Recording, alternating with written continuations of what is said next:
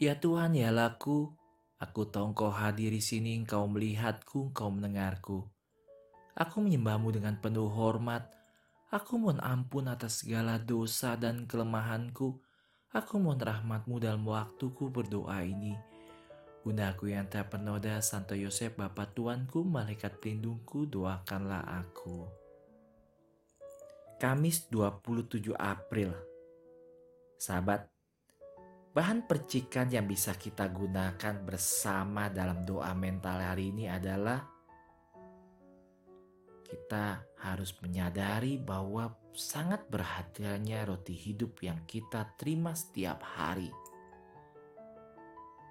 Yesus berkata, "Akulah roti hidup." Kita tidak pernah merasa cukup dengan ekaristi karena kita tidak pernah merasa cukup dengan Allah. Dia adalah roti yang kita minta berkali-kali dalam sehari. Berikan kami pada hari ini makanan kami yang secukupnya. Ini adalah bahan bakar orang-orang kudus untuk naik ke surga. Kita membutuhkan roti yang turun dari surga. Ingat ekstra trendensial kehidupan di luar bumi menuju ke langit dan berkata, Home. Ya, itu benar. Rumah kita ada di atas sana dan untuk meluncur ke sana kita membutuhkan roket. Kita adalah di atas Ekaristi dengan cara yang sama berhasil mendapatkan perangkat untuk menelpon ke rumah.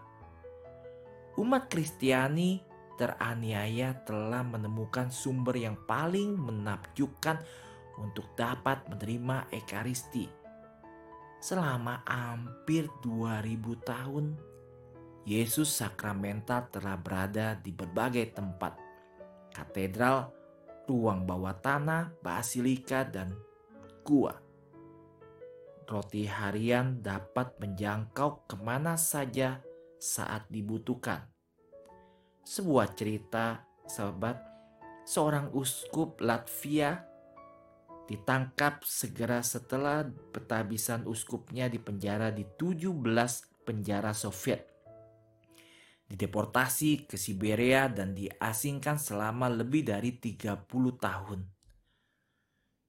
Bersama pendeta lain, para tahanan yang juga berada di kepulauan Solvovki, mereka menggunakan gelas untuk piala dan tutup kaleng untuk patena. Roti disediakan oleh para sipil, anggur dibuat dari kismis yang direndam dalam air. Mereka merayakan misa pada malam hari secara rahasia.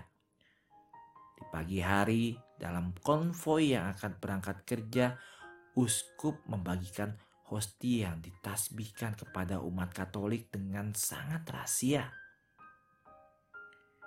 Dia menyembunyikan juga hosti yang tersisa di bawah akar pohon dibungkus dengan selembar kain sehingga mereka yang belum menerima komuni dapat melakukan pada siang hari. Hidup saat itu dalam kondisi yang begitu sulit kerja paksa, makanan yang tidak mencukupi, dan segala macam perampasan dan perlakuan tidak manusiawi. Tapi mereka semua selamat, sahabatku. Seperti yang ditunjukkan uskup, itu adalah berkat roti harian yang dimakan setiap hari. Maria Bunda Ekaristi, semoga saya tidak menjadi baal atau mati rasa saat menerima Yesus dalam roti harian ini. Bunda Maria harapan kita dan tata kebijaksanaan, doakanlah kami.